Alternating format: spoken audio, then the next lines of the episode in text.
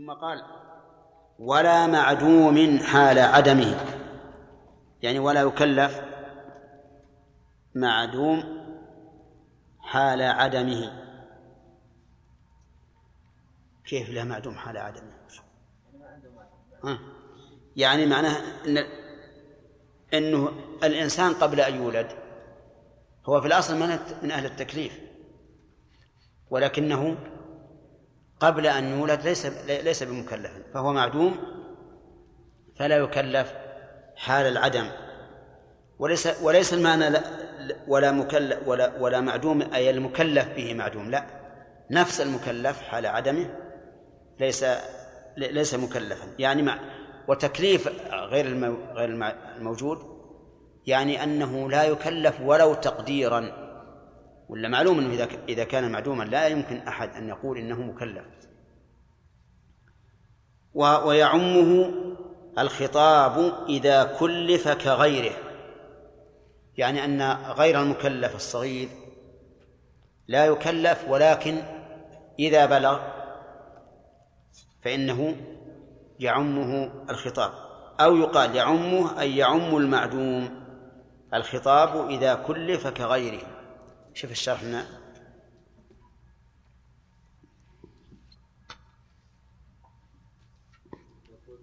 ولا معدوم. ولا يكلف معدوم حال عدمه إجماعا ويعمه الخطاب إذا كلف كغيره أي كغير المعدوم من صغير ومجنون ولا يحتاج إلى خطاب إلى خطاب آخر عند أصحابنا. وحكي عن الأشعرية وبعض الشافعية الشافعية وحكاه الآمدي عن طائفة من السلف والفقهاء. وفي المسألة قول ثاني ونسب للمعتزلة وجمع من الحنفية أن المعدوم لا يعمه الخطاب مطلقا.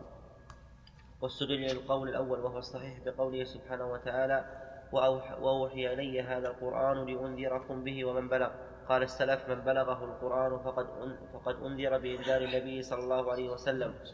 وقول من قال إذا امتنع خطاب الصبي والمجنون فالمعدوم أجدر ضعيف لأنه فهم فهم عن الحنابلة تنجيز لأنه فهم عن الحنابلة تنجيز التكليف ولم يعلم التعليق وأن حكم الصبي والمجنون كحكم المعدوم ومن الأدلة أيضا قوله سبحانه وتعالى وأن هذا صراطي مستقيما فاتبعوه وكالأمر بالوصية لمعدوم متأهل. وخيفة الموصي الفوت لا أثر له ويحسن لوم المأمور في الجملة بإجماع العقلاء على تأخره عن الفعل مع قدرته وتقدم أمره. ولأنه أزلي وتعلقه بغيره جزء من حقيقته والكل ينتفي بانتفاء الجزء وكلام القديم صفته وإنما تطلب الفائدة في سماع المخاطبين به إذا وجد ولأن التابعين والأئمة لم يزالوا يحتجون بالأدلة وهو دليل التعميم والأصل عدم اعتبار غيره ولو كان لنقل. قال المخالفون تكليف ولا مكلف بحال. رد رد بأن هذا مبني على التقبيح العقلي. ثم بالمنع في المستقبل كالكاتب يخاطب من يكاتبه بشرط وصوله ويناديه و و وأمر وأمر الموصى والواقف حقيقة موصي وأمر. وأمر الموصي والواقف حقيقة لأنه لا يح لا يحسن نفيه. قالوا لا يقال للمعدوم ناس.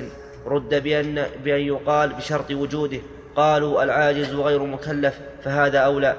رد بالمنع عند عند كل قائل بقولنا بل مكلف بشرط قدرته وبلوغ وبلوغه وعقله وإنما رفع عنه القلم في الحال أو قلم الإثم بدليل النائم. طيب. كما سمعتم في الحقيقة أن هذا من باب الجدل الذي لا خير فيه. لأنه من المعلوم أن المعدوم حال عدمه لا يمكن أن يتوجه إليه الخطاب. لكن إذا وجد هل هو مخاطب بالخطاب الأول أو لا؟ نعم. يرى بعضهم أنه مخاطب ويرى آخرون أنه ليس بمخاطب والحقيقة أن هذا خلاف يعتبر مضيعة للوقت لأنه بالإجماع أن كل من ولد متجددا فإن خطابات الشرع التي كانت نزلت عند وجود الصحابة تعمه ولا لا؟ تعمه بلا شك بالإجماع لا يقول لا يقول إن هذا الخطاب وجد قبل أن أولد فلا أدخل فيه. نقول لأن لأن الشرع الدين الإسلامي فيه صفة الشمول والعموم. فكل من ولد إلى يوم القيامة فإن الخطاب يعم. أما حال عدمه فكيف يعمه؟ كيف يعمه إذا كان معدوما؟ هل يوجه الخطاب لشخص لا يولد إلا بعد ألف سنة؟ حقيقة لا. لكن إذا وجدت نصوص الكتاب عامة ونصوص السنة عامة تشمل من يوجد إلى يوم القيامة. ولهذا قال لأنذركم به يخاطب الموجودين ومن بلغ يخاطب الغائبين والمعدومين. فإذا فإذا وجد الإنسان إذا وجد الإنسان ثم بلغه النص صار مخاطبا به. أما قبل أن يوجد فإن النص لا لم يبلغه حتى نقال إنه مخاطب به. وهذا مما مما أدخل على الأمة الإسلامية من أجل النزاع فيما لا فائدة فيه.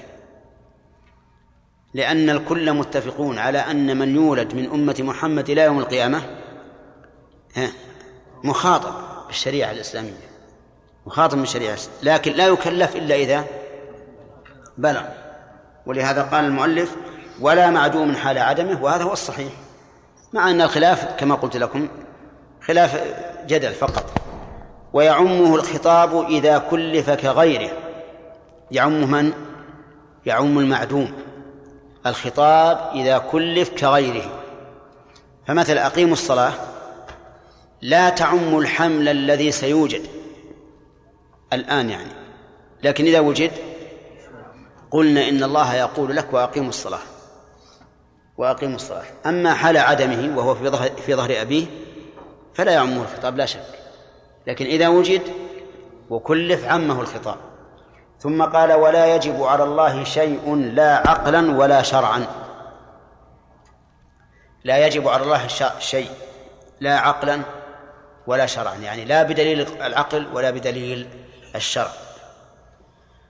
وهذا الكلام يحتاج إلى تفصيل.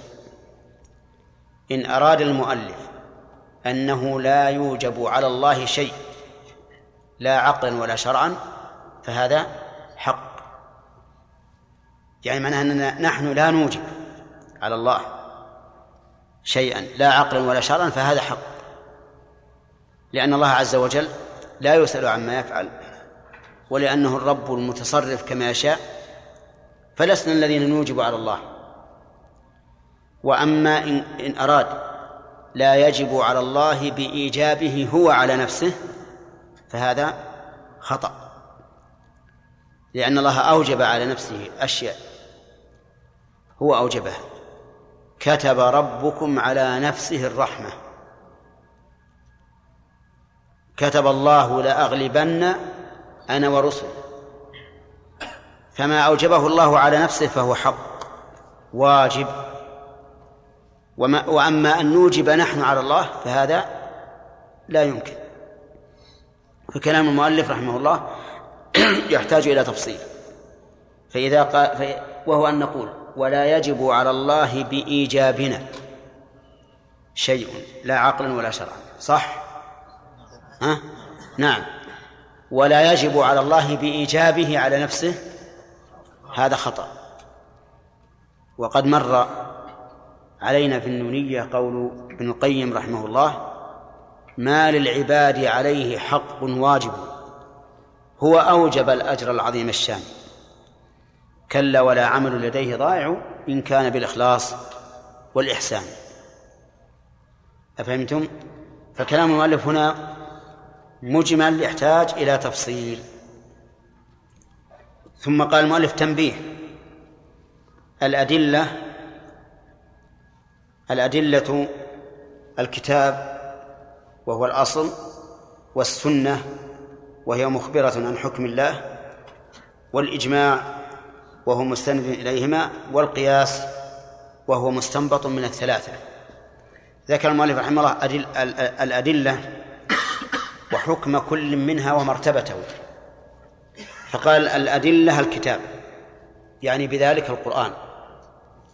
قال وهو الأصل نعم هو الأصل. أصل الأدلة كلها هو القرآن. لأننا لم نعلم أن السنة دليل إلا بالقرآن.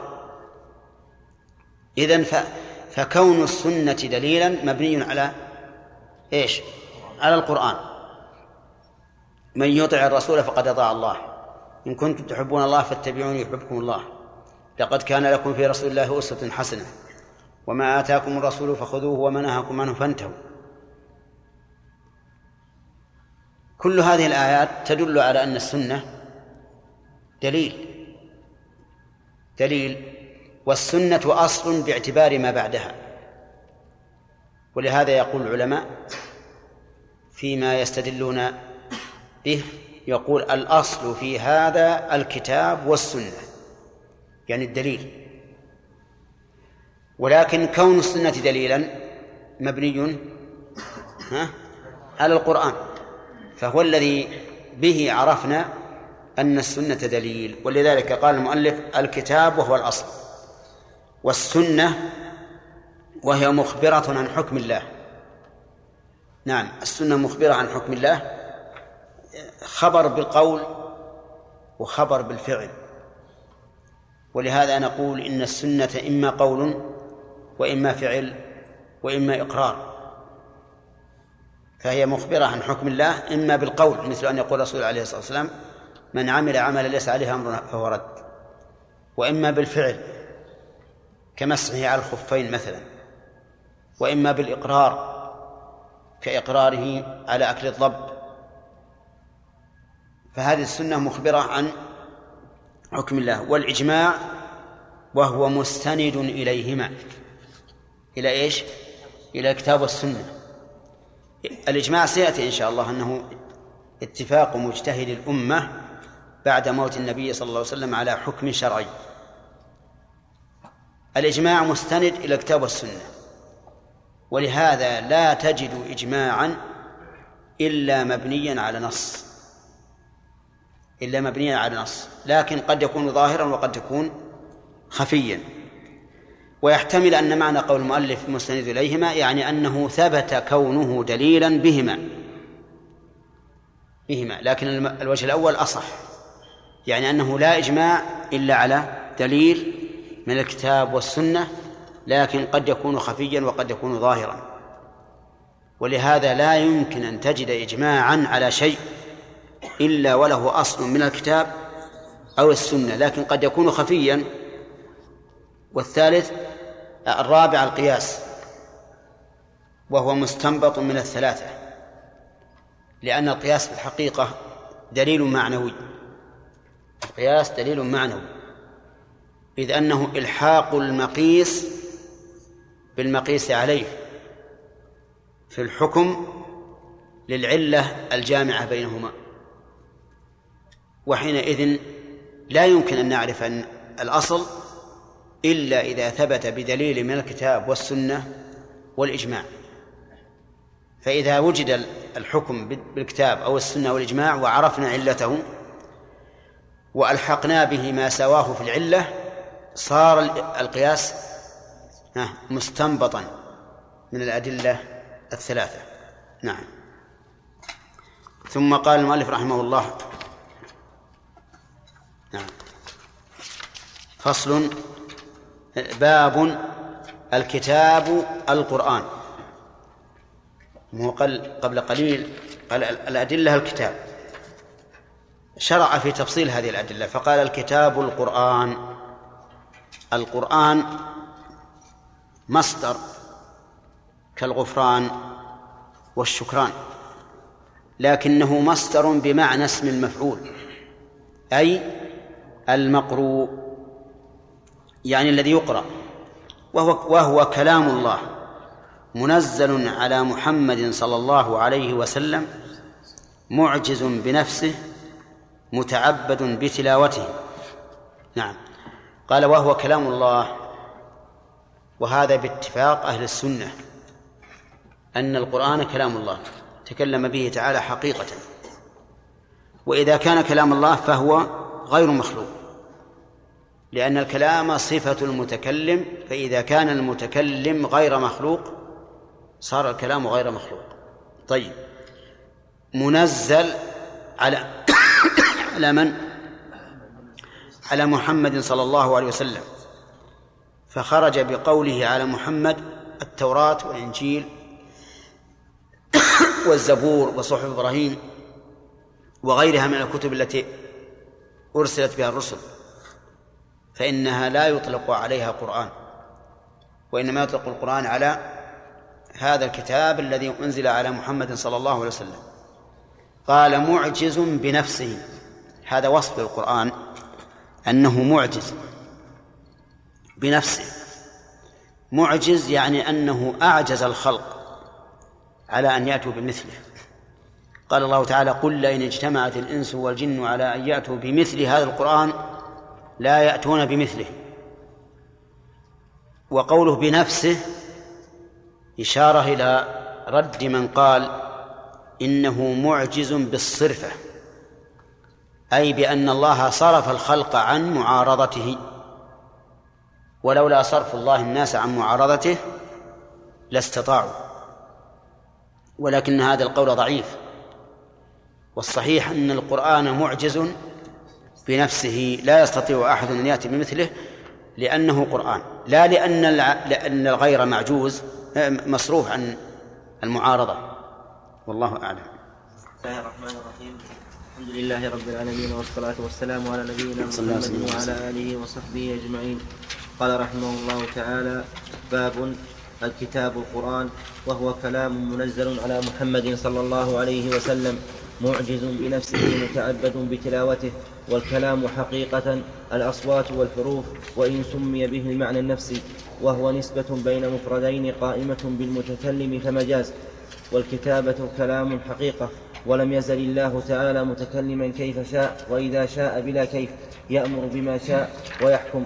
وفي وفي بعض وفي بعض آية وفي بعض آية إعجاز ويتفاضل وتو ويتفاضل. قال المؤلف رحمه الله تعالى باب الكتاب القرآن لما ذكر أن الأدلة أربعة أصلها هنا الكتاب والسنة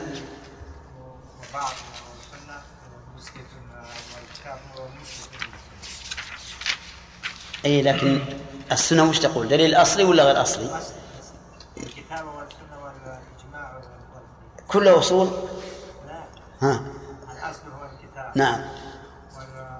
والسنة هو أصل. مخبرة عنه. مخبرة عنه. نعم. والذي جعلها دليلا ما هو؟ اي ثبت كونها دليلا بالقرآن. طيب. الإجماع؟ مستند إلى الكتاب والسنة طيب. والقياس؟ مستنبط. من الكتاب والسنة لأنه إلحاق الفرع بالأصل لعلة جامعة. هذه العلة ثبتت في الكتاب والسنة. طيب. الكتاب يقول المؤلف هو القرآن وهو كلام الله وهو كلام الله. عندكم كلام منزل بس؟ إيش؟ ما ما كل الشرح. كلام منزل. ما قال كلام الله؟ لا كان واجب أن يقول كلام الله. نعم. على كل حال هو كلام الله. سواء قاله المؤلف أو لم يقله لأن كلمة هو كلام غير منسوب إلى أحد. يمكن واحد ينسبه إلى من؟ إلى جبريل. ولهذا يتعين أن يقال هو كلام الله. نعم. لا حطوها تعليق. ما نقدر نكتب لأن لو كتبناها معناه أن ألفنا نعم. لا لا اللي عندي مثلكم. كلام وهو كلام الله نقول كلام الله. يتعين يعني كان ينبغي على المؤلف أن يقول هو كلام الله.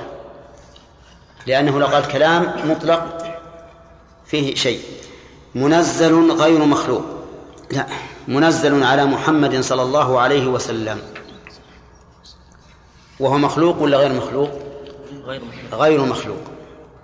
واعلموا أن كلمة غير مخلوق لم ترد في كلام الصحابة والتابعين وإنما وردت حين ظهر قول الجهمية بأن كلام الله مخلوق. صار السلف يضيفون إلى قولهم منزل يضيفون إليه غير مخلوق. دفعا لقول هؤلاء الجهمية الذين يقولون إنه مخلوق.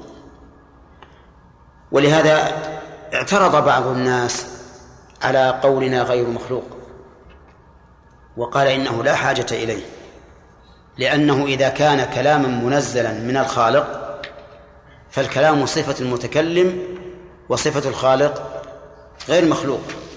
نقول نعم الأمر كذلك. لكن إذا بلينا بقوم يقولون إنه مخلوق فلا بد أن نشير إلى دفع قولهم فنقول إنه غير مخلوق. أما كونه منزلا فالآيات في هذا كثيرة جدا. وأما كونه غير مخلوق فلأنه صفة المتكلم وهو الخالق عز وجل. وصفة الخالق غير مخلوقة وقول على محمد صلى الله عليه وسلم يخرج به ما نزل على غيره من الأنبياء فإنه ليس قرآنا.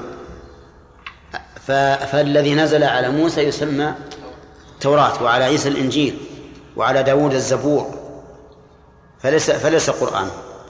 قال معجز بنفسه. معجز يعني أنه يعجز البشر أن يأتوا بمثله. وقد بين الله في القرآن أن هذا على مراتب.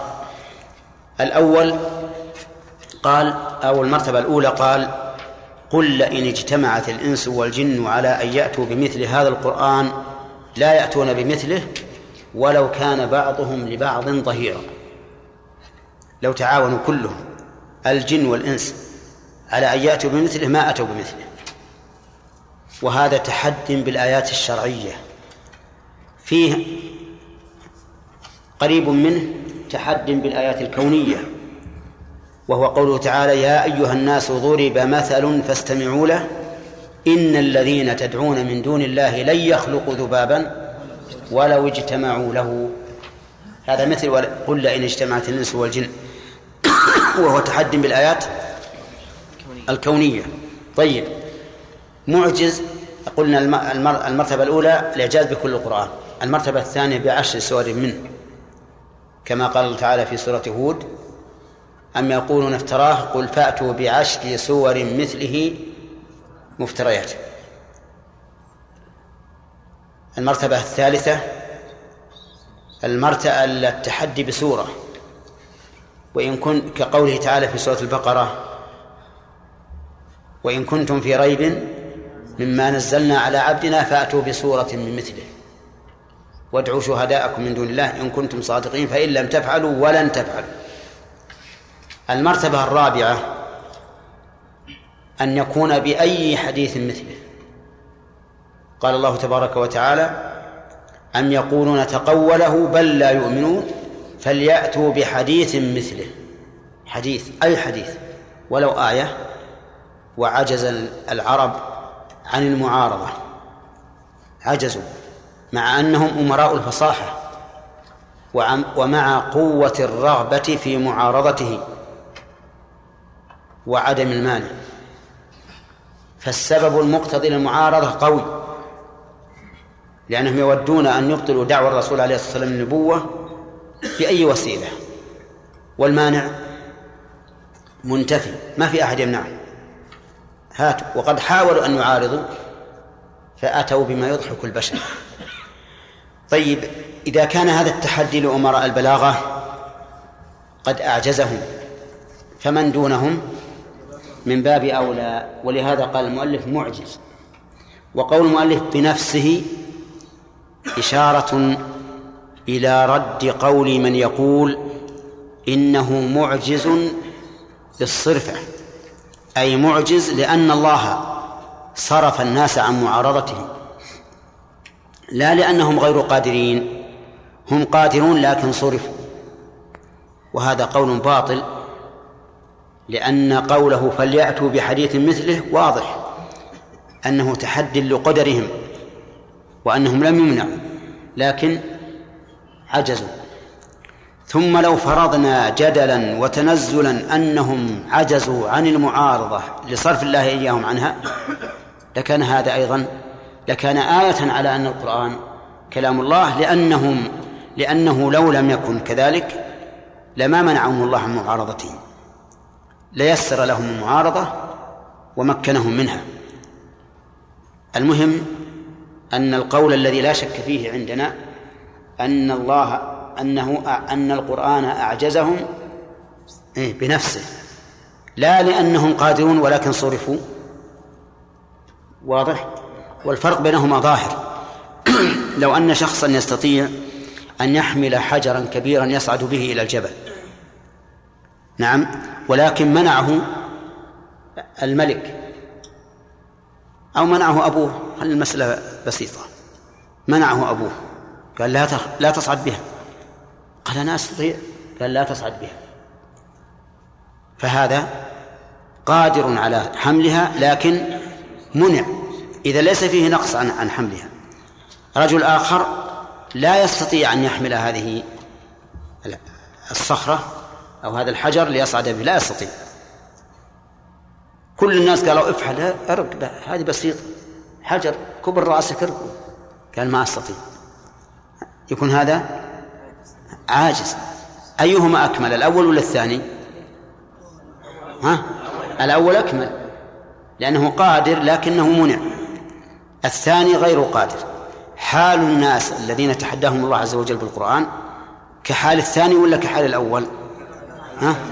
على القول بأنها صرفة كحال الأول. وعلى قول بأنهم عجزوا أن القرآن معجب بنفسه على الثاني. طيب. يقول وهو والكلام حقيقة الأصوات والحروف. نعم. ها؟ لا لا. نعم. متعبد بتلاوته. يعني أن أن القرآن متعبد بتلاوته. وخرج بالقيد بقيد معجم بنفسه متعبد بتلاوته خرج به الحديث القدسي. فإن الحديث القدسي وإن نسب إلى الله عز وجل فإنه ليس بمعجز بنفسه. و ولأنه أيضا وهو غير متعبد بتلاوته. ولهذا نقول لو أن الإنسان قال سأؤلف الأحاديث القدسية وأجعلها كتابا أتلوه آناء الليل والنهار كما أتلو القرآن لقلنا إن هذا مبتدع لأن الأحاديث القدسية لا يتعبد بتلاوتها. ومن هنا نعرف بأن الأحاديث القدسية ليست كلام الله لفظا بل هو كلام أوحاه الله إلى النبي عليه الصلاة والسلام ثم عبر عنه الرسول صلى الله عليه وسلم بلفظه. عبر عنه بلفظه. ونسبته إلى الله قال بلفظ قال الله تعالى لا تعني أن هذا اللفظ هو لفظ الله عز وجل. ودليل هذا أن القول قد ينسب إلى قائله بلفظ قال وهو لم يقله بلفظه. كل الكلمات بلفظ قال المضافة إلى الرسل وأتباعهم وأعدائهم كلها نقلت بالمعنى أو باللفظ. بالمعنى. لأن لأن جميع هؤلاء القوم والرسل ليست لغتهم لغة عربية. والقرآن بلسان عربي. نعم. وإذ قال موسى لقومه يا قوم اذكروا نعمة الله عليكم إذ جعل فيكم أنبياء. هل قال بهذا اللفظ؟ لا. قطعا لا. لأن لغة موسى عبرية. لكن قال معنى هذا اللفظ. إذا فلا يمنع أن يقول النبي عليه الصلاة والسلام قال قال الله باعتبار أنه قال معنى هذا اللفظ. ويدل لذلك أيضا أننا لو جعلنا الحديث القدسي من الله لفظا لوجب أن يكون له حكم المصحف حكم القرآن. لأن الشرع لا لأن الشرع لا يفرق بين متماثلين. فإذا جعلنا الحديث القدسي من الله لفظا صار كالقرآن تماما. لأن القرآن كلام الله لفظه ومعناه لفظه ومعناه و والحديث القدسي إذا قلنا لفظه ومعناه من الله كان قرآنا. ولأن الأحاديث القدسية نقلت عن طريق الآحاد وفيها المكتوب على الرسول عليه الصلاة والسلام وفيها الصحيح الذي يغير بالتقديم والتأخير أو بالنقص. ولو كان كلام الله لواجب أن يكون محفوظا كما حفظ المصحف. كما قال تعالى إنا نحن نزلنا الذكر وإنا له لحافظون. ولأن العلماء مجمعون على أن الأحاديث القدسية لا يلزم لقراءتها أن يكون الإنسان غير جنوب بل تقرأ حتى بالجنابة. وما كتبت فيه لا لا يلزم الطهارة لمسه. وكل أحكام المصحف لا تكون للمؤلف من الأحاديث القدسية. إذن نقول الكلام حقيقة الأصوات والحروف. الكلام حقيقة الأصوات والحروف. لا يمكن أن يسمى شيء كلاما إلا وهو بإيش؟ بصوت وحرف. ومن هنا نأخذ أن كلام الله حرف وصوت. ولا يمكن أن يقال إن الله تكلم إلا إذا كان بحرف وصوت. والدليل على هذا من معروف في كتب العقائد. فمن ذلك قوله تعالى عن موسى وناديناه من جانب الطور الأيمن وقربناه نجيا. فإن الآية هذه تدل على أن الله يتكلم بصوت. لأنه قال ناديناه والنداء يكون للبعيد.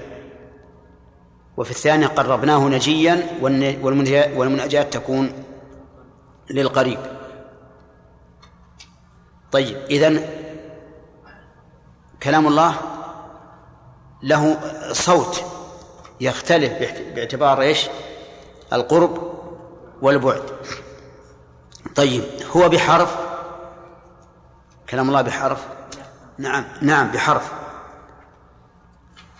وإذ قال الله يا عيسى ابن مريم اذكر نعمتي عليك وعلى والدتك. قوله يا عيسى ابن مريم حروف ولا غير حروف؟ حروف. وهي مقول الله عز وجل. إذن فكلام الله بحرف وصوت. وهكذا كل أحد كل أحد يضيف إلى نفسه كلاما فهو بحرف وصوت. لو قلت مثلا في نفسك كلاما في نفسك هل يصح أن نقول أن تقول إني تكلمت بكذا وكذا؟ ها؟ لا يصح. ولهذا لو كان الإنسان يحدث نفسه ويقول له أربع زوجات يحدث نفسه يقول زوجاتي طوال وله مئتين عبد يقول عبيدي أحرار وله مئة عمارة وعمارات وقف وله ألف سيارة وسيارتي للمجاهدين. يقول بنفسه ينفذ شيء من هذا؟ ليش؟ لأنه ما تكلم لأنه لم يتكلم. وإن كان هذا يسمى حديثا كما قال الرسول عليه الصلاة والسلام إن الله تجاوز عن أمتي ما حدثت به أنفسها. لكن ليس بكلام. ومن هنا يتبين بطلان قول من قال إن كلام الله هو المعنى القائم بنفسه يعني نقول القول الكلام لابد أن يكون إيش؟ بصوت وحرف وإلا فليس بكلام. قال المؤلف والكلام حقيقة الأصوات والحروف. ثم قال وإن سمي به المعنى النفسي وهو نسبة بين مفردين قائمة بالمتكلم فمجاز. يعني أنه إن, أطلق الكلام على المعنى القائم بالنفس فهذا مجاز وليس بحقيقة مجاز وليس بحقيقة. وعلى هذا فقول الشاعر إن الكلام لفي الفؤاد وإنما جعل اللسان على الفؤاد دليلا. نقول إن قوله إن الكلام لفي الفؤاد حقيقة ولا مجاز؟ مجاز مجاز. الكلام في الفؤاد ليس بكلام حقيقة. بل هو مجاز وحديث نفس ولا يترتب عليه شيء إطلاقا. لا يترتب عليه شيء. حتى الإثم لا يترتب عليه لمجرد الحديث. ما لم يركن إليه ويعتمده طيب وقوله نسبة بين مفردين قائمة بالمتكلم. هذا معنى الكلام النفسي يعني نسبة بين مفردين لكن قائمة بالمتكلم. ما ما ما خرجت من لسانه. مثلا زيد قائم أنا أضمر في نفسي زيد قائم. هذه فيها نسبة ولا لا؟ بين زيد والقيام. لكنه في النفس ليس خارجا. يقول المؤلف إن هذا مجاز. وفيه إشارة إلى رد قول من يقول بالكلام النفسي.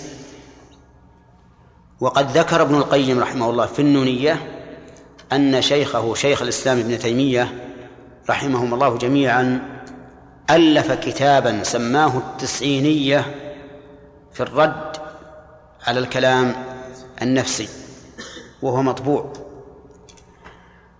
والذين قالوا بالمعنى النفسي هم في الحقيقة أنكروا كلام الله وهم لا يشعرون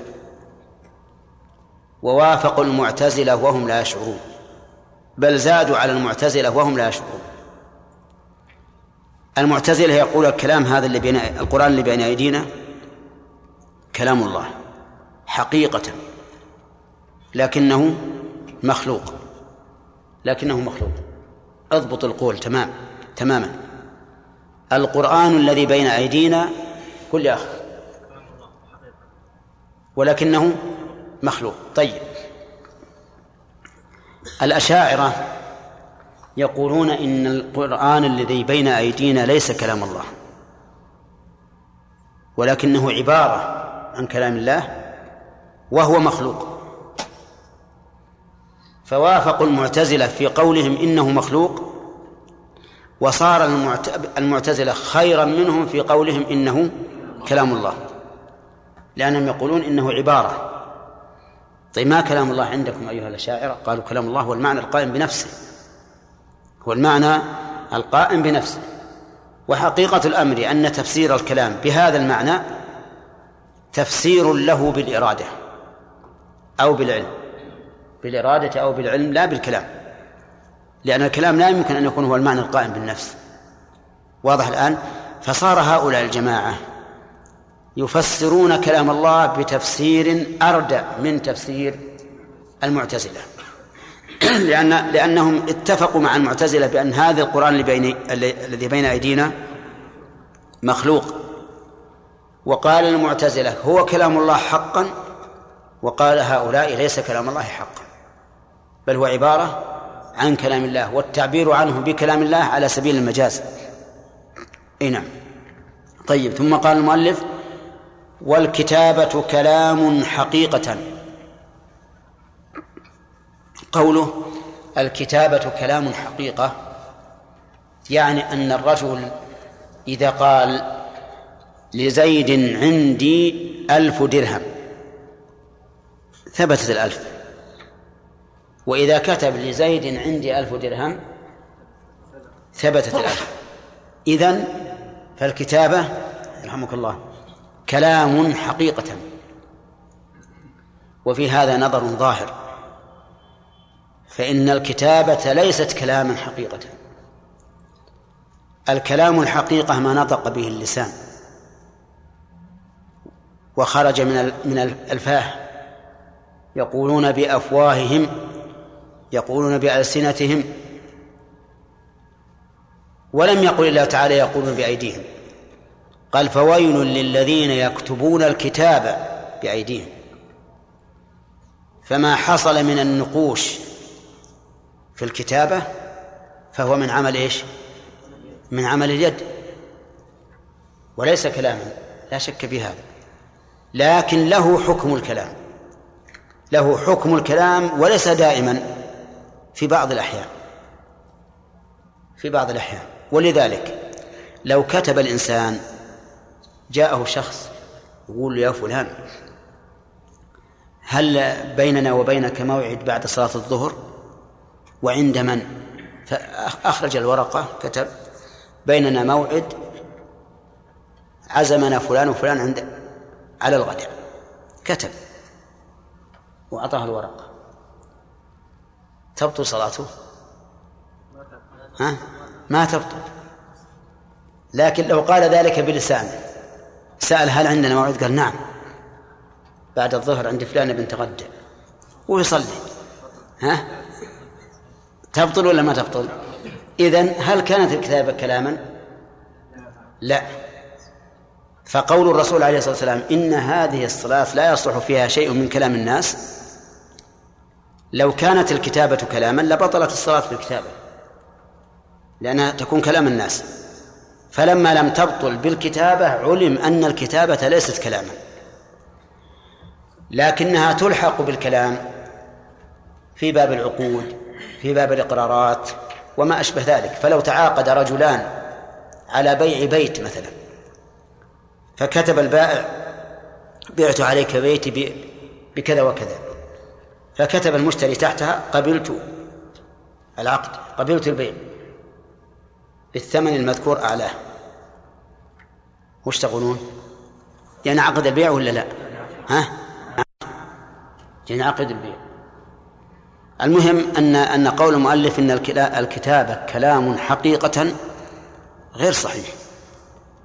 هي غير كلام حقيقة قطعا في جميع مواردها.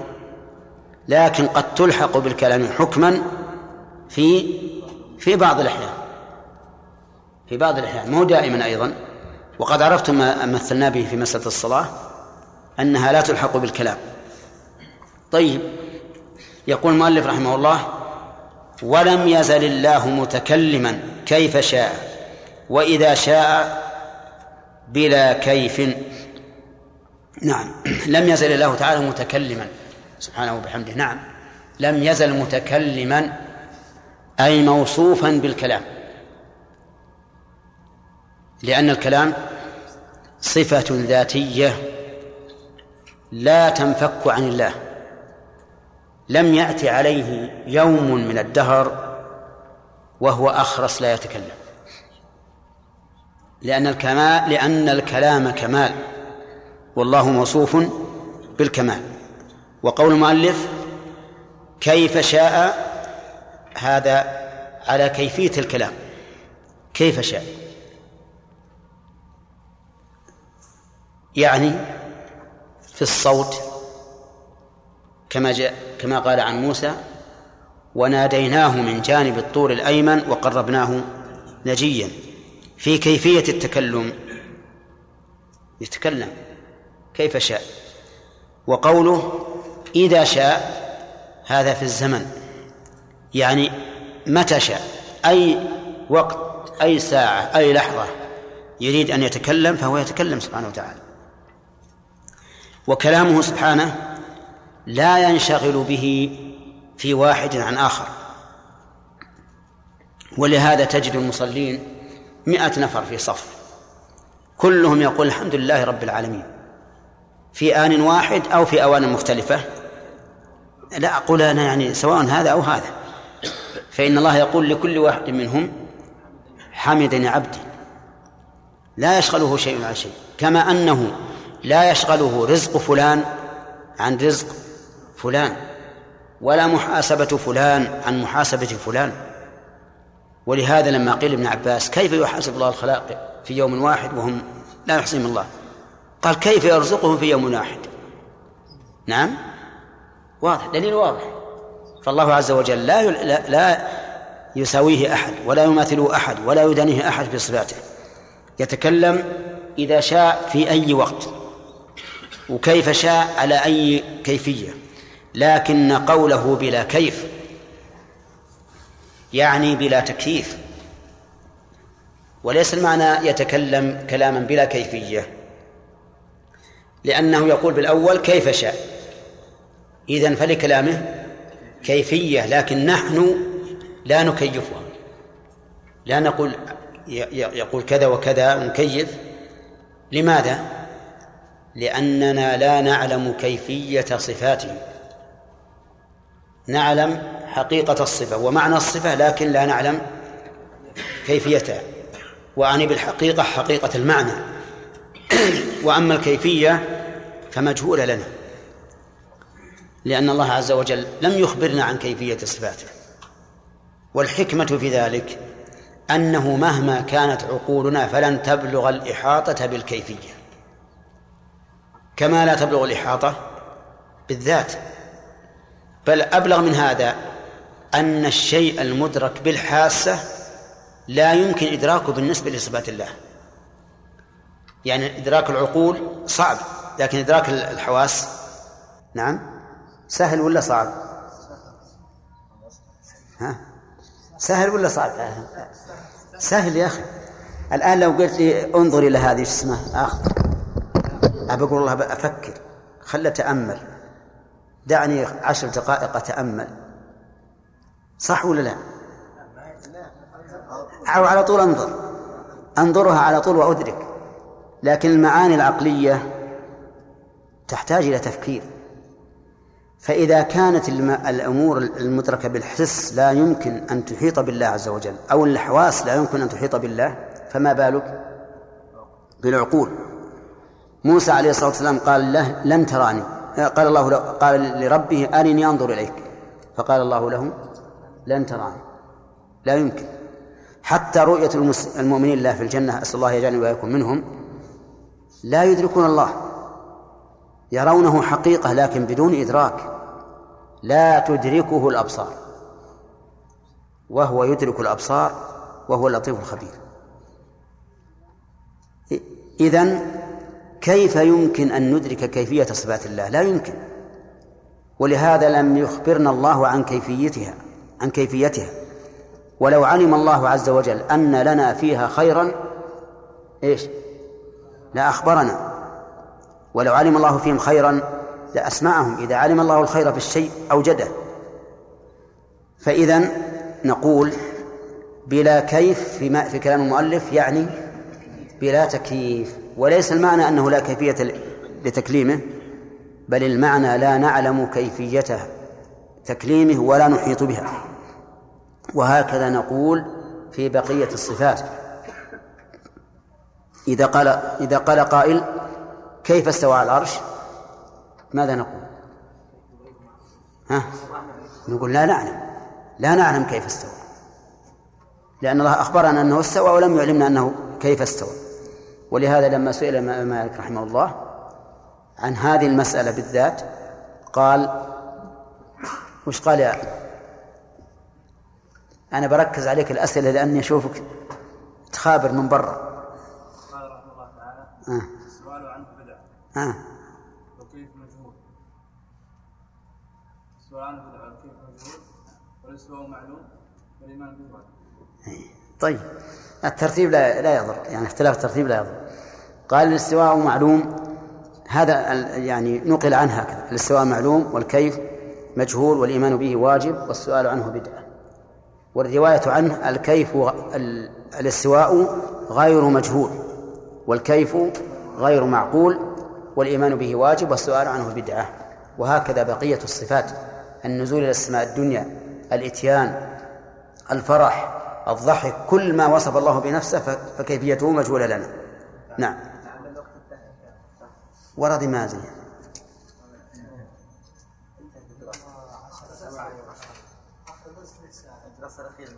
ها؟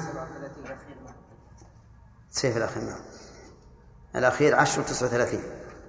لا الحين عشر وتسعة وثلاثين.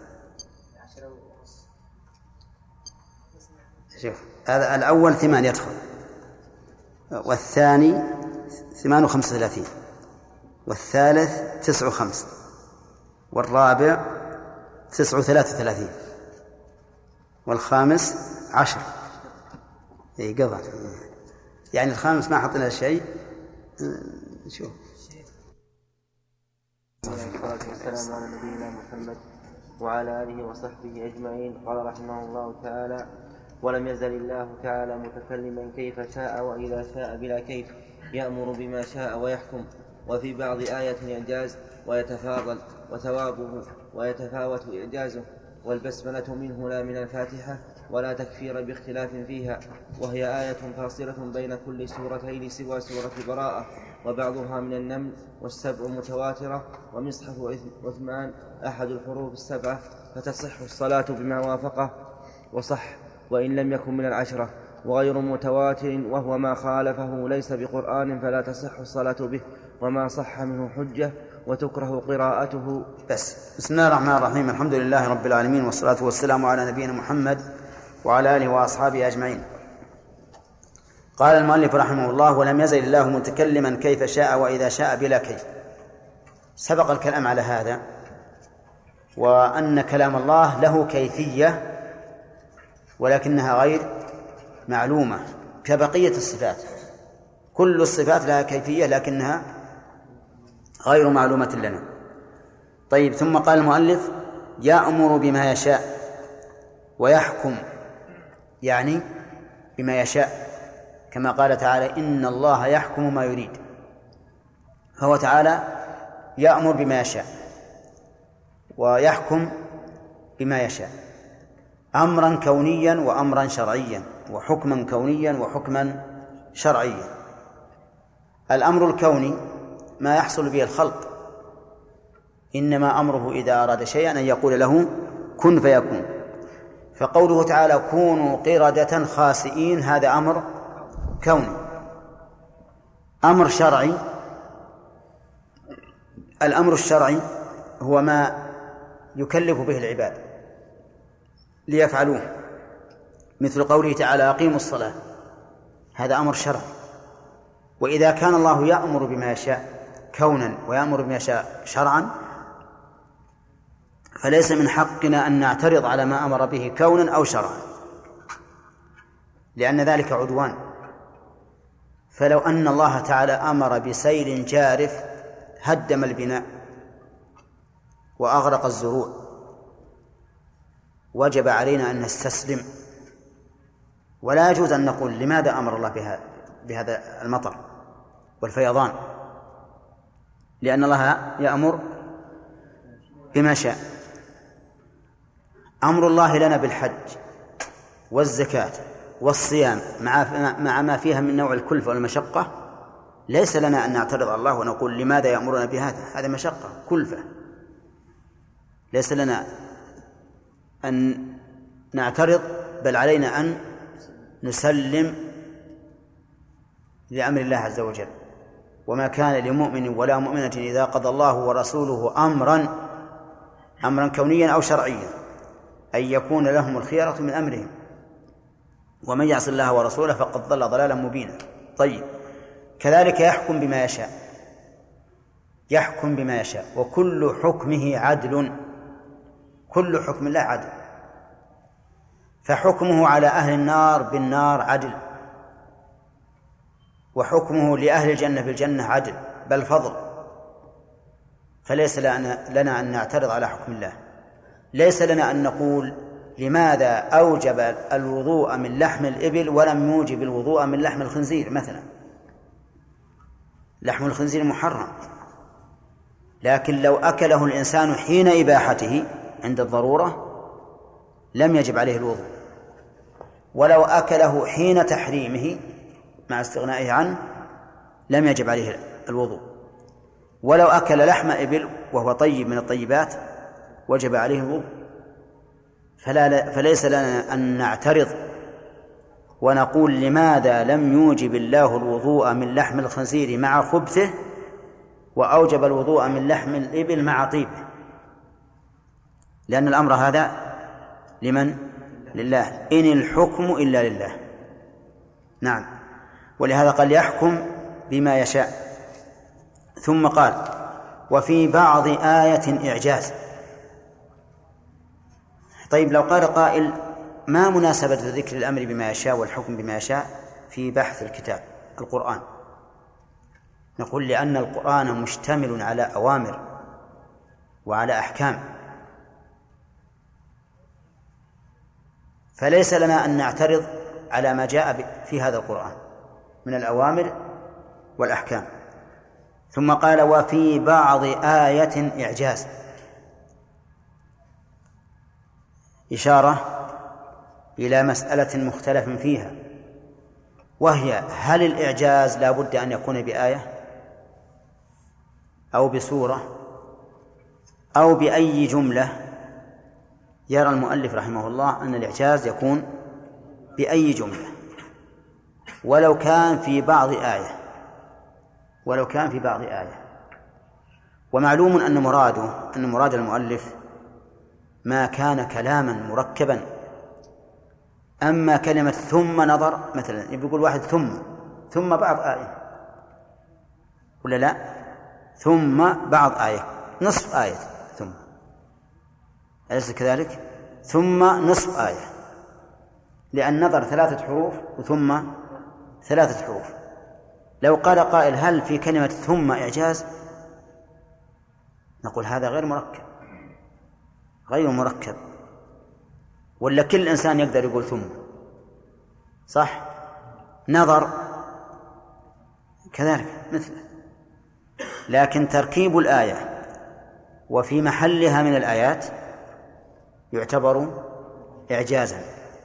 لا يقدر الناس أن أن يصوغوا مثل هذا. هذا الأسلوب. أبدا. وأما مجرد كلمة ولو كانت نصف آية فلا يمكن أن نقول إنها إعجاز لأننا لو قلنا إنها إعجاز استطال علينا الكفار. وش ماذا يقولون؟ يقولون إنكم تقولون في بعض آية إعجاز ولو لم تكن جملة مركبة ونحن نستطيع أن نقول ثم ألف مرة. ونقول نظر ألف مرة. فقول المؤلف في بعض آيات الإعجاز لا يريد مثل هذا الكلمة الواحدة إنما يريد المشتمل على جملة وهي أيضا معجزة لا باعتبار انفرادها بل باعتبار بل بانضمامها إلى ما بعدها وقبلها. بانضمامها إلى ما قبلها وبعدها. وإن ويجب أن نقول هذا لئلا يستطيل علينا الكفار. ويقول نحن نقدر نحن نقدر أن نقول كذا. طيب. ثم قال المؤلف ويتفاضل وثوابه. يعني يتفاضل القرآن بذاته. ويتفاضل ثوابه. واعلم أن تفاضل القرآن يكون على وجهين. أو أن البحث في تفاضله يكون على وجهين. الوجه الأول من حيث المتكلم به.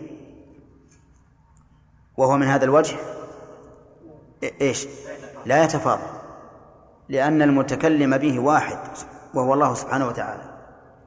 فالمتكلم بقل هو الله أحد الله الصمد لم يلد ولم يولد ولم يكن له كفوا أحد هو المتكلم بتبت يدا أبي لهب وتب ما أغنى عنه ماله وما كسب. عرفت؟ إذن لا يتفاضل من حيث المتكلم به. أما من حيث موضوعه ومدلوله فلا شك أنه يتفاضل. آية الكرسي أعظم آية في كتاب الله مع أنها ليست أطول آية. آية الدين أطول منها. ومع ذلك كانت أعظم آية في كتاب الله. طيب. أعظم سورة في كتاب الله الفاتحة وليست أطول سورة. الثواب أيضا يختلف. بعضه أكثر ثوابا من بعض وإن كان من حيث الجملة كل حرف منه بعشر حسنات لكن يتفاضل. حسب تفاضل موضوعه. ولهذا قال النبي عليه الصلاة والسلام أيعجز أحدكم أن يقرأ ثلث القرآن في ليلة؟ قالوا كيف ذلك يا رسول الله؟ قال قل هو الله أحد تعدل ثلث القرآن. تعدل ثلث القرآن في الثواب وفي وفي المعنى. طيب إذن القرآن يتفاضل ويتفاضل كذلك ثوابه لكن من حيث المتكلم به ها؟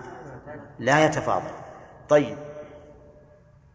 سمعنا خطبة من شخص رصينة جيدة مؤثرة واقعية. والرجل طالب علم.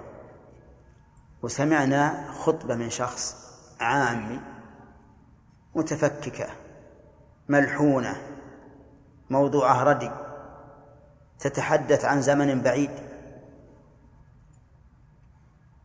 هل الخطبتان تتفاضلان؟ ها؟ لا إله ها؟ تتفاضلان من حيث الأسلوب والموضوع ومن حيث الخاطب أيضا صح ولا لا؟ لكن القرآن لا يتفاضل من حيث المتكلم لأنه واحد أما هذا الذي المثال الثاني اللي قلت يتفاضل من حيث المتكلم به ومن حيث الأسلوب ومن حيث الموضوع ها؟ والأداء. كل والانتفاع. كلها تفضل تتفاضل. يقولون في واحد يخطب في بعض القرى يقول اللهم أيد السلطان ابن السلطان عبد المجيد بن أو عبد الحميد بن عبد المجيد من سلاطين الإتراك. نعم. ما أدري أن الرجل هؤلاء قد أكلت الأرض عظامهم. نعم. على كل حال بعض بعض الخطباء يخطب بموضوعات لا تتناسب مع الوقت ولا يستمت إلى الوقت بصلة. هذا لا ينبغي. أما عاد مسألة المواعظ فهي صالحة لكل زمان. المواعظ العامة صالحة لكل زمان. أي نعم. طيب يقول المؤلف رحمه الله ويتفاضل ثوابه ويتفاوت إعجازه. وكله معجز. لكن إعجازه يتفاوت. بعض القرآن سبحان الله العظيم تجد آياته وكأنها يعني شهب من شدة تأثيرها. لو قرأت اقتربت الساعة وانشق القمر وجدت هذا الإيجاز مع الإعجاز التام. كأنها عناوين كأن قصص الأنبياء عناوين. قصة موسى في الأعراف أطول منها وهي قصة واحدة. لكن في اقتربت تجدها مختصرة. وتجد أنه ليس فيها محاورة مع مع الرسل وأقوامهم بل ليس فيها إلا حال الأقوام بالتكذيب ثم الأخذ. نعم تكذيب ثم الأخذ. لأن الله لأن أصل ابتداء السورة في تكذيب قريش. فناسب أن لا يذكر من الأمم إلا التكذيب والعقوبة. اقتربت الساعة وانشق القمر وإن يروا آية يعرضوا ويقولوا سحر مستمر وكذبوا واتبعوا أهواءهم وكل أمر مستقر. ولقد جاءهم من الأنباء ما فيه مزدجر حكمة بالغة. فما النذر فتولى عنهم يوم يدعو الداعي إلى شيء نكر خش عن أبصارهم يخرج من الأجداث كأنهم جراد منتشر. مهطعين إلى الداع. يقول الكافرون هذا يوم عسر ووصف الله اليوم الآخر لأن هذه الأمة لا تؤخذ بعقوبة عامة كالأمم السابقة فأنذرها الله تعالى بعذاب الآخرة. ثم قال كذبت قبلهم قوم نوح فكذبوا عبدنا وقالوا مجنون وازدجر فدعا ربه أني مغلوب فانتصر ففتحنا أبواب السماء. هذه السورة الحقيقة إذا قرأ الإنسان يتأثر تأثرا عظيما. ثم في النهاية ذكر إن المجرمين في ضلال وسعر يوم يسحبون في النار على وجوههم ذوقوا مس سقر. أعوذ بالله. إنا كل شيء خلقناه بقدر وما أمرنا إلا واحدة كلمح بالبصر. فتجد في هذه السورة من الإعجاز ما هو أعظم بكثير من الإعجاز في مثل سورة تبت أو غيرها من السور التي ليس فيها هذه الزواجر والمواعظ ولكن مع ذلك نصف القرآن كله بأنه بأنه معجز. نعم.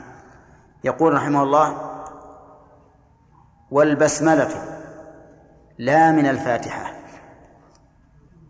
ها؟ ها؟ نعم أحسنت. والبسملة منه يعني من القرآن. لا من الفاتحة. البسملة بسم الله الرحمن الرحيم. من القرآن. فهي إذن كلام الله. لا من الفاتحة يعني وليست من الفاتحة بل هي آية مستقلة يؤتى بها لابتداء كل سورة. وقال بعض العلماء بل هي من الفاتحة ولكن الصحيح أنها ليست من الفاتحة. ودليل ذلك حديث أبي هريرة أنه أن الله تعالى قال قسمت الصلاة بيني وبين عبدي نصفين ثم قال فإذا قال الحمد لله رب العالمين قال حمدنا عبدي. ولم يذكر البسملة. ولأن النبي صلى الله عليه وسلم كان يقرأ بالفاتحة في الجهرية ولا يقرأ بسم الله الرحمن الرحيم. ولو كانت منها لجهر بها كما يجهر بالفاتحة. ثم قال ولا تكفير باختلاف فيها. يعني أن من أن من خالف فيها وقال إنها من الفاتحة ومن غير الفاتحة فإنه لا يكفر لأن هذا محل اجتهاد. وما كان محل اجتهاد فإن المخالف فيه لا يكفر. أما ما كان محل وفاق ولا مجال للاجتهاد فيه فإن فإن الخروج عما كان عليه السلف يكون فيه الإنسان على خطر. يقول وهي آية فاصلة بين كل سورتين سوى سورة براءة. هي الضمير يعود على البسملة آية من القرآن. وقوله فاصلة بين كل سورتين. أحسن منها أن نقول يبتدأ تبتدأ بها كل سورة. لأن الذي قاله المؤلف يرد عليه. إيش؟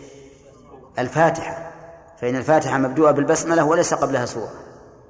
وأيضا يرد عليه أنه لو قرأ الإنسان في الصباح وختم سورة ثم أراد أن يقرأ السورة التي بعدها في المساء فإنه لا يحتاج إلى البسملة لأن الفصل حصل بطول الزمن.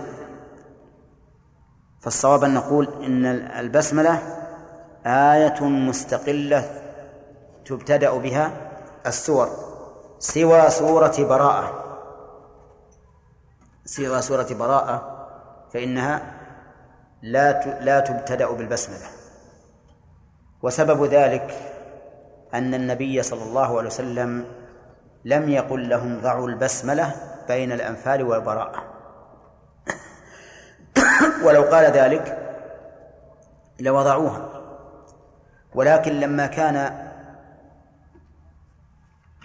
ضمها إلى الأنفال يجعلها طويلة جدا فصلها الصحابة رضي الله عنهم لأنهم أشكل عليهم قالوا لعلها سورة مستقلة ففصلوها. قال وبعضها من وبعضها من النمل يعني وهي بعض آية من النمل. والحقيقة أن هذا لا لا يحتاج إليه لأن البسملة التي التي في النمل ليست هي البسملة التي يبدأ يبتدأ بها كل سورة. ولكنها بسملة جاءت بالنقل لأن الله نقل الكتاب الذي كتبه سليمان. ولهذا نقول وإنه بسم الله الرحمن الرحيم بدون بدون وقف. والبسملة هي أول الكلام. ف فنقول إنه لا حاجة إلى إلى استثنائها هنا بل ولا إلى ذكرها لأن البسملة الموجودة في النمل ليست هي البسملة التي يفتتح بها السور ولكنها منقولة لأن سليمان عليه الصلاة والسلام كانت كان كتابه بهذا اللفظ. بسم الله الرحمن الرحيم. إنه من سليمان نعم إنه من سليمان وأنه بسم الله الرحمن الرحيم إلى آخره. قال والسبع متواترة. السبع يعني القراءات السبع متواترة أي نقلت بالتواتر لكنها في الحقيقة بالنسبة للعالم الإسلامي متفرقة. تجد من الناس من يقرأ بقراءة فلان والناس من يقرأ بقراءة فلان. لكن لو قرأ الإنسان بكل بالقراءة كلها فلا حرج.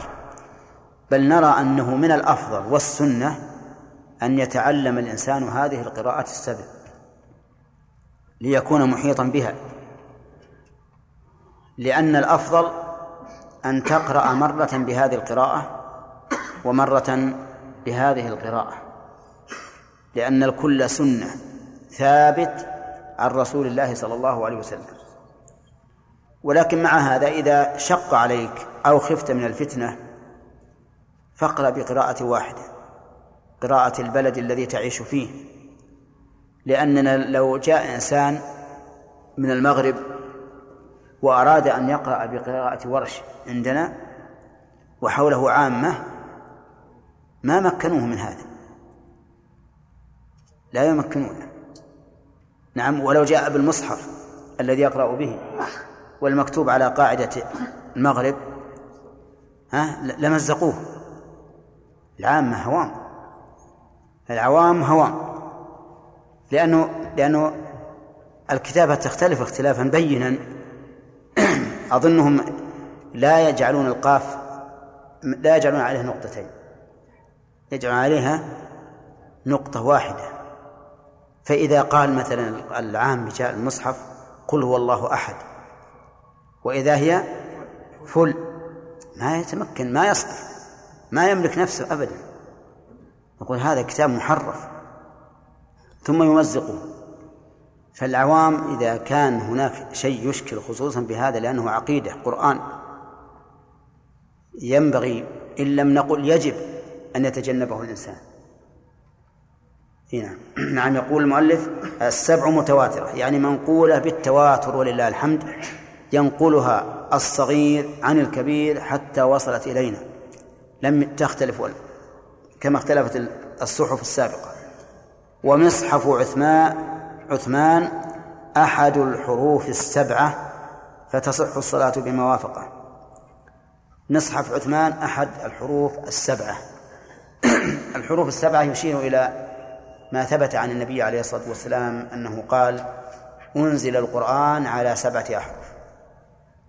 فما هذه الأحرف؟ الأحرف ليست هي القراءات السبع.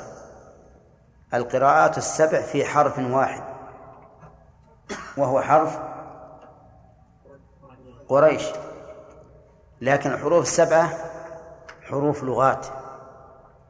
وكان العرب في أول الإسلام لا يتمكن الإنسان من أن يغير لهجته.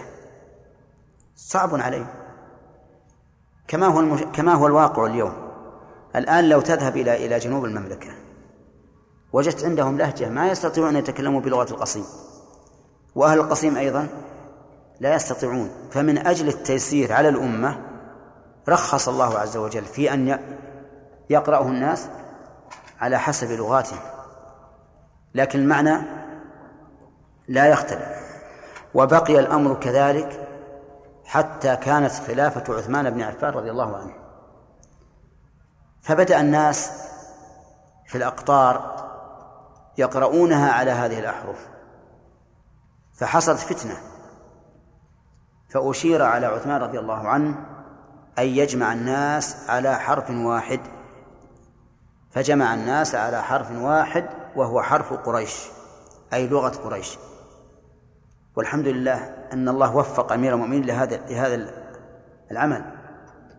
لأنه لو بقي إلى اليوم كان النزاع السابق الذي في, القرن الثاني بل في القرن الأول سيكون في القرن الأخير نعم أشد وأكثر.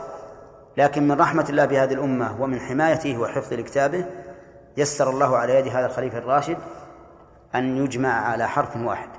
فجمع. والله أعلم. نعم. ها؟ نعم. إيش؟ نعم. لأنها ليست من الفاتحة. ولا ولا من غيرها.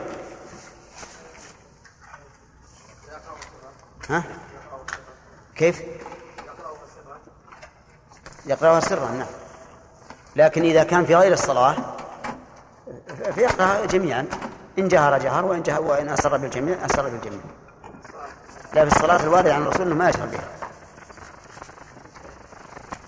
بسم الله الرحمن الرحيم. الحمد لله رب العالمين والصلاة والسلام على نبينا محمد وعلى آله وأصحابه. أه نسأل عن البسملة. هل هي من القرآن أو لا؟ العلماء هل هي من القرآن أو لا؟ هي آية من القرآن. إذن لا حاجة نقول اختلف العلماء هي من القرآن. طيب. الدليل؟ دليل حديث أبو هريرة رضي الله عنه حينما كان النبي صلى الله عليه وسلم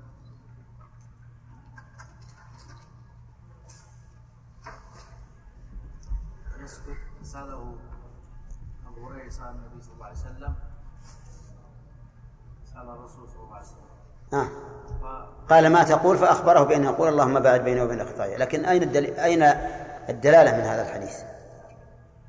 دائما البسملة آية من من إيه وش الدليل؟ ما الحديث ما في ذكر البسملة إطلاقا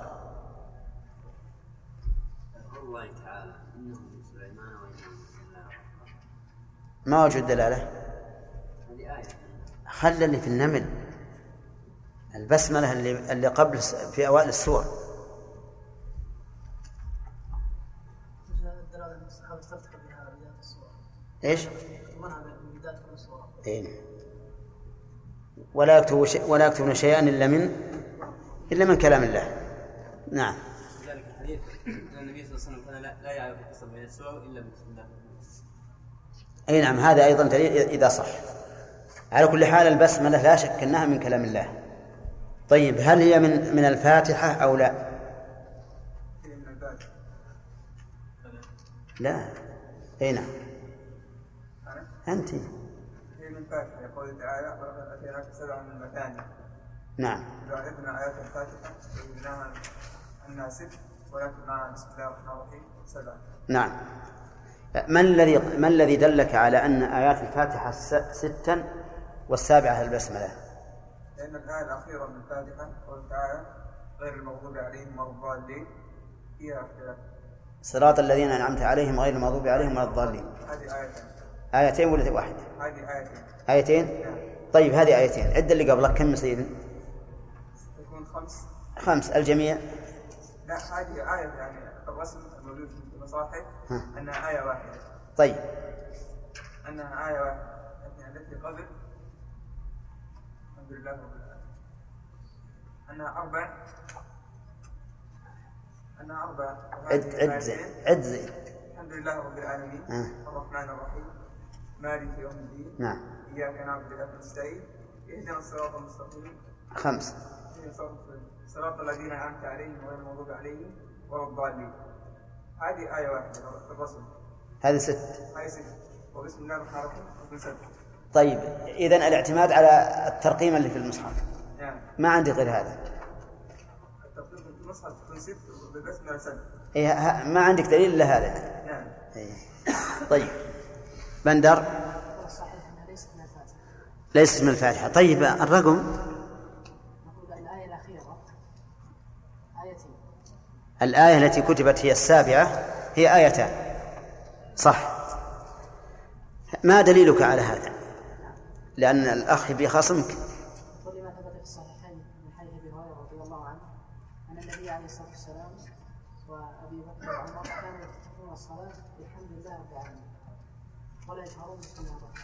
وغير. النبي صلى الله عليه وسلم قال لمعاذ ألا أعلمك أفضل سورة من القرآن؟ قال الحمد لله رب العالمين ولم يقل بسم الله نعم هذه يحتمل أن قوله الحمد لله رب العالمين يعني السورة المعروفة بهذا في احتمال فيسقط الاستدلال. قال النبي صلى الله عليه وسلم قاسمت قاسمت بيني وبين عبدي. الله الله. الرسول يقول قسمت الصلاة بيني وبين الفاتحة بيني وبين عبدي؟ قول الله عز وجل يقول قال الحمد لله رب العالمين قسمت الصلاة. قاسمت الصلاة بيني وبين عبدي نعم. فإذا قال؟ فإذا قال الحمد لله رب العالمين نعم. فقال إلى آخر الحديث. فابتدأها؟ الحمد لله رب العالمين أحسنت. هذا دليل. طيب هناك دليل لفظي. يدل على أن أول آيات الفاتحة الحمد لله رب العالمين. دليل لفظي غير الدليل الأثري. تناسب وفي طول الآيات التناسب؟ نعم. لأنه إذا كانت الأخيرة صراط الذين أنعمت عليهم غير المغضوب عليهم ولا الضالين صارت طويلة لا تتناسب مع مع الآيات التي قبلها. فإذا قسمناها صراط الذين أنعمت عليهم هذه مثل مالك يوم الدين مثلا. صارت متناسبة. طيب دليل معنوي. دليل معنوي قسم الفاتحة تقسيم إلى ست آيات تكون إلى سبع آيات الثلاث الآيات الأولى حق لله عز وجل والثلاث الآيات الأخيرة حق لل- للمعبود للعبد والآية إياك نعبد وإياك نستعين هذه النصف النصف حق بين حق الله وبين حق العبد وهي النصف أيضا. صح؟ تكون الثلاث آيات الأولى حق لل- لل- لله عز وجل والثلاث الأخيرة حق للآدم. والرابعة إياك نعبد وإياك نستعين. نصف نصفين إياك نعبد الله وإياك نستعين للإنسان. طيب. فيه أيضا يقول المؤلف رحمه الله وبعضها وهي بعض سورة من النمل. ما رأيك يا فهد في هذا الكلام؟ نعم.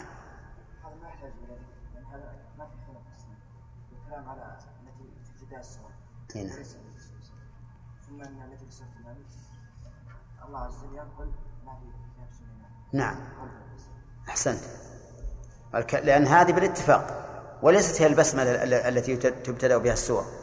هذه في ضمن كلام الله عز وجل فيه فهي بعض سورة وهي أيضا منقولة عن كتاب سابق. فلا حاجة للاستثناء. طيب. يقول المؤلف رحمه الله السبع متواترة. سؤال يا جمال هل هي متواترة لفظا أو معنى؟ لفظا. لا معنى. إذا لفظا لفظا ومعنى ولا شيء من المتواتر أشد وأقوى من تواتر القرآن لأنه ينقله الصغير عن الكبير والذكر والأنثى كل المسلمين ينقلونه فهو متواتر أشد التواتر ولهذا يفيد العلم اليقيني القطعي أنه كلام الله عز وجل وأنه الذي تكلم بلغه الرسول عليه الصلاة والسلام عن ربه ولهذا من أنكر منه حرفا واحدا كفر. نعم. قال المؤلف أظن ومصحف عثمان لا. قرأنا هذا. مصحف عثمان أحد الحروف السبعة. مصحف عثمان هو المصحف الذي جمع القرآن عليه. وذلك أن الناس في عهده صاروا يقرؤون القرآن على سبعة أحرف. فيقرأ هذا خلاف قراءة هذا. فخيف أن يكون الشقاق والخلاف في الأمة فأشير على عثمان أن يجمع الناس على حرف واحد فجمعهم على حرف واحد وهو حرف قريش أي لغة قريش. وهذا من نعمة الله على هذا الخليفة الراشد رضي الله عنه ومن نعمة الله على الأمة. لأن الناس إذا كان الآن يتنازعون في معناه ويخت... ويختلفون عليه فما بالك لو بقيوا لو بقوا يتنازعون في لفظه ويختلفون عليه. ولكن من من الرحمة وإقامة الحجة على الأمة أن الله سخر أو أن الله هدى هذا الخليفة الراشد رضي الله عنه لجمعه على حرف واحد أي على لغة قريش. ولهذا قال أحد الحروف السبعة والباقي الباقي الآن مجهول. الباقي الآن مجهول. ولا يمكن أن يقرأ بأي حرف منه لأن القرآن لا يمكن أن يعتمد إلا إذا نقل نقلا متواترا أو خبر آحاد صحيحا وهذا لا يمكن في القراءة السبع بل في القراءة الست لأنها ذهبت من حين ما أحرق عثمان المصاحف رضي الله عنه إلا المصحف العثماني ذهبت ونسيت. طيب. يقول فتصح الصلاة بما وافقه وصح وإن لم يكن من العشرة. يعني تصح الصلاة بكل قراءة. وافقت مصحف عثمان وصح سنده. فكل ما وافق وجه نحو وكان للرسم احتمالا يحوي. وصح إسنادا هو القرآن فهذه الثلاثة الأركان. هذه الأركان الثلاثة لصحة القراءة. أن يكون موافقا للمصحف العثماني في النحو يعني في الإعراب. والثاني أنه يحتوي إيش؟ لللفظ كله. وكان للرسم احتمال يحوي وصح لفظا. وصح نقلا قصدي. وصح نقلا فهو القرآن. وعلى كل حال القراءات السبع محفوظة والقراءة العشر محفوظة. فما وافقها وإن كان من بسند آخر فإنه صحيح. قال وغير متواتر. غير متواتر. هذا ما قال والسبع متواترة. ثم قال وغير متواتر يعني وكذلك القرآن غير متواتر وهو ما نقل بخبر الآحاد. هذا الغير متواتر يقول ليس بقرآن وظاهر كلامه ولو صح سنده. ولو صح سنده. أحيانا تصح القراءة عن صحابي. لكن ليست موافقة لمصحف عثمان فيقول المؤلف إنه ليس من القرآن ليس من القرآن فلا تصح الصلاة به. ومن ذلك قراءة عبد الله بن مسعود في كفارة الأيمان فمن لم يجد فصيام ثلاثة أيام متتابعة. فإن كلمة متتابعة من قراءة عبد الله بن مسعود وليست متواترة لكنها صحيحة. فيقول المؤلف إن هذا ليس بالقرآن ولا تصح الصلاة به لأنه ليس من القرآن المتواتر. وذهب بعض العلماء إلى أنه من القرآن وتصح الصلاة به. فإنه إذا كنا ننسب الحديث القدسي إلى الرسول عليه الصلاة والسلام ثم إلى الله وهو من أخبار الآحاد فكذلك القرآن. ولا سيما إذا كان من قراءة عبد الله بن مسعود لأن النبي صلى الله عليه وسلم أوصانا باتباع قراءته. فقال من أراد أن يقرأ القرآن غضا كما أنزل أو قال طريا كما أنزل فليقرأ بقراءة ابن أم عبد يعني عبد الله بن مسعود. فإذا صح السند إلى عبد الله بن مسعود أنه قرأ بهذه بهذه القراءة فالقول الراجح أنه قرآن وأن الصلاة تصح به لأنه قرآن. صح. إلى عبد الله بن مسعود. لكن المؤلف يرى أن ما خرج عن القراءات السبع ولم يوافقها فليس بقرآن لأنها هي التي نقلت إلينا نقلا متواترا. نعم. قال وما صح منه حجة. هذا من الغرائب. ما صح من غير المتواتر فهو حجة يحتج به في الأحكام. بل ويحتج به في العقائد لأنه صح عن النبي صلى الله عليه وسلم. وهذا قد يقول قائل إنه تناقض. كيف نحتج به؟ ونقول ليس بقرآن لأن الحجة لأن الاحتجاج به فرع عن كونه قرآنا ولكنهم أجابوا بأن القرآن يحتاج إلى تواتر لأن الله قال إنا نحن نزلنا الذكر وإنا له لحافظون. وخبر الآحاد عند أكثر المتكلمين لا يفيد إلا الظن. والظن يوجب العمل وإن كانوا أيضا لا يحتاجون به في العقيدة. ولكن الصحيح أن أن هذه أن هذا القول أعني أنه يحتج به حجة على من قال إنه ها لا تصح القراءة به. لأننا نقول إذا جعلتموه حجة فإنه يلزم من هذا أن تصح القراءة به. وهذا هو الصحيح أنه حجة وأنها تصح القراءة به إذا صح. نعم. قال وتكره قراءته وهذا من العجائب. شيء يكره أن يقرأ ويكون حجة علينا عند الله. وهو يكره أن يقرأ. يقولون لأنه إذا صح صحت القراءة به ثبت معناه. أما اللفظ فلا نقرأ به. والصحيح أن القراءة به لا تكره. لأنه صح سنده إلى من قرأ به إلى النبي صلى الله عليه وسلم. قال. ثم قال المؤلف وما اتضح معناه محكم وعكسه متشابه. ما اتضح معناه من القرآن فإنه محكم. يعني الشيء الذي يكون واضحا لكل الناس هذا محكم. وهو كثير في القرآن. منه آيات محكمات وأخرى متشابهات. فمثلا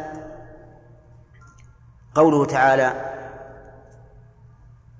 أنزل من السماء ماء فسالت أودية بقدرها. ما تقولون في هذا؟ محكم. ليش؟ لأن لأن معناه واضح. معناه واضح. فيكون محكما. شهر رمضان الذي أنزل فيه القرآن. محكم. ليش؟ لأن معناه واضح. والأمثلة على هذا كثيرة ومنه متشابه وهو عكسه وهو الذي لا يتضح معناه. لا يتضح معناه إلا للعلماء الراسخين في العلم.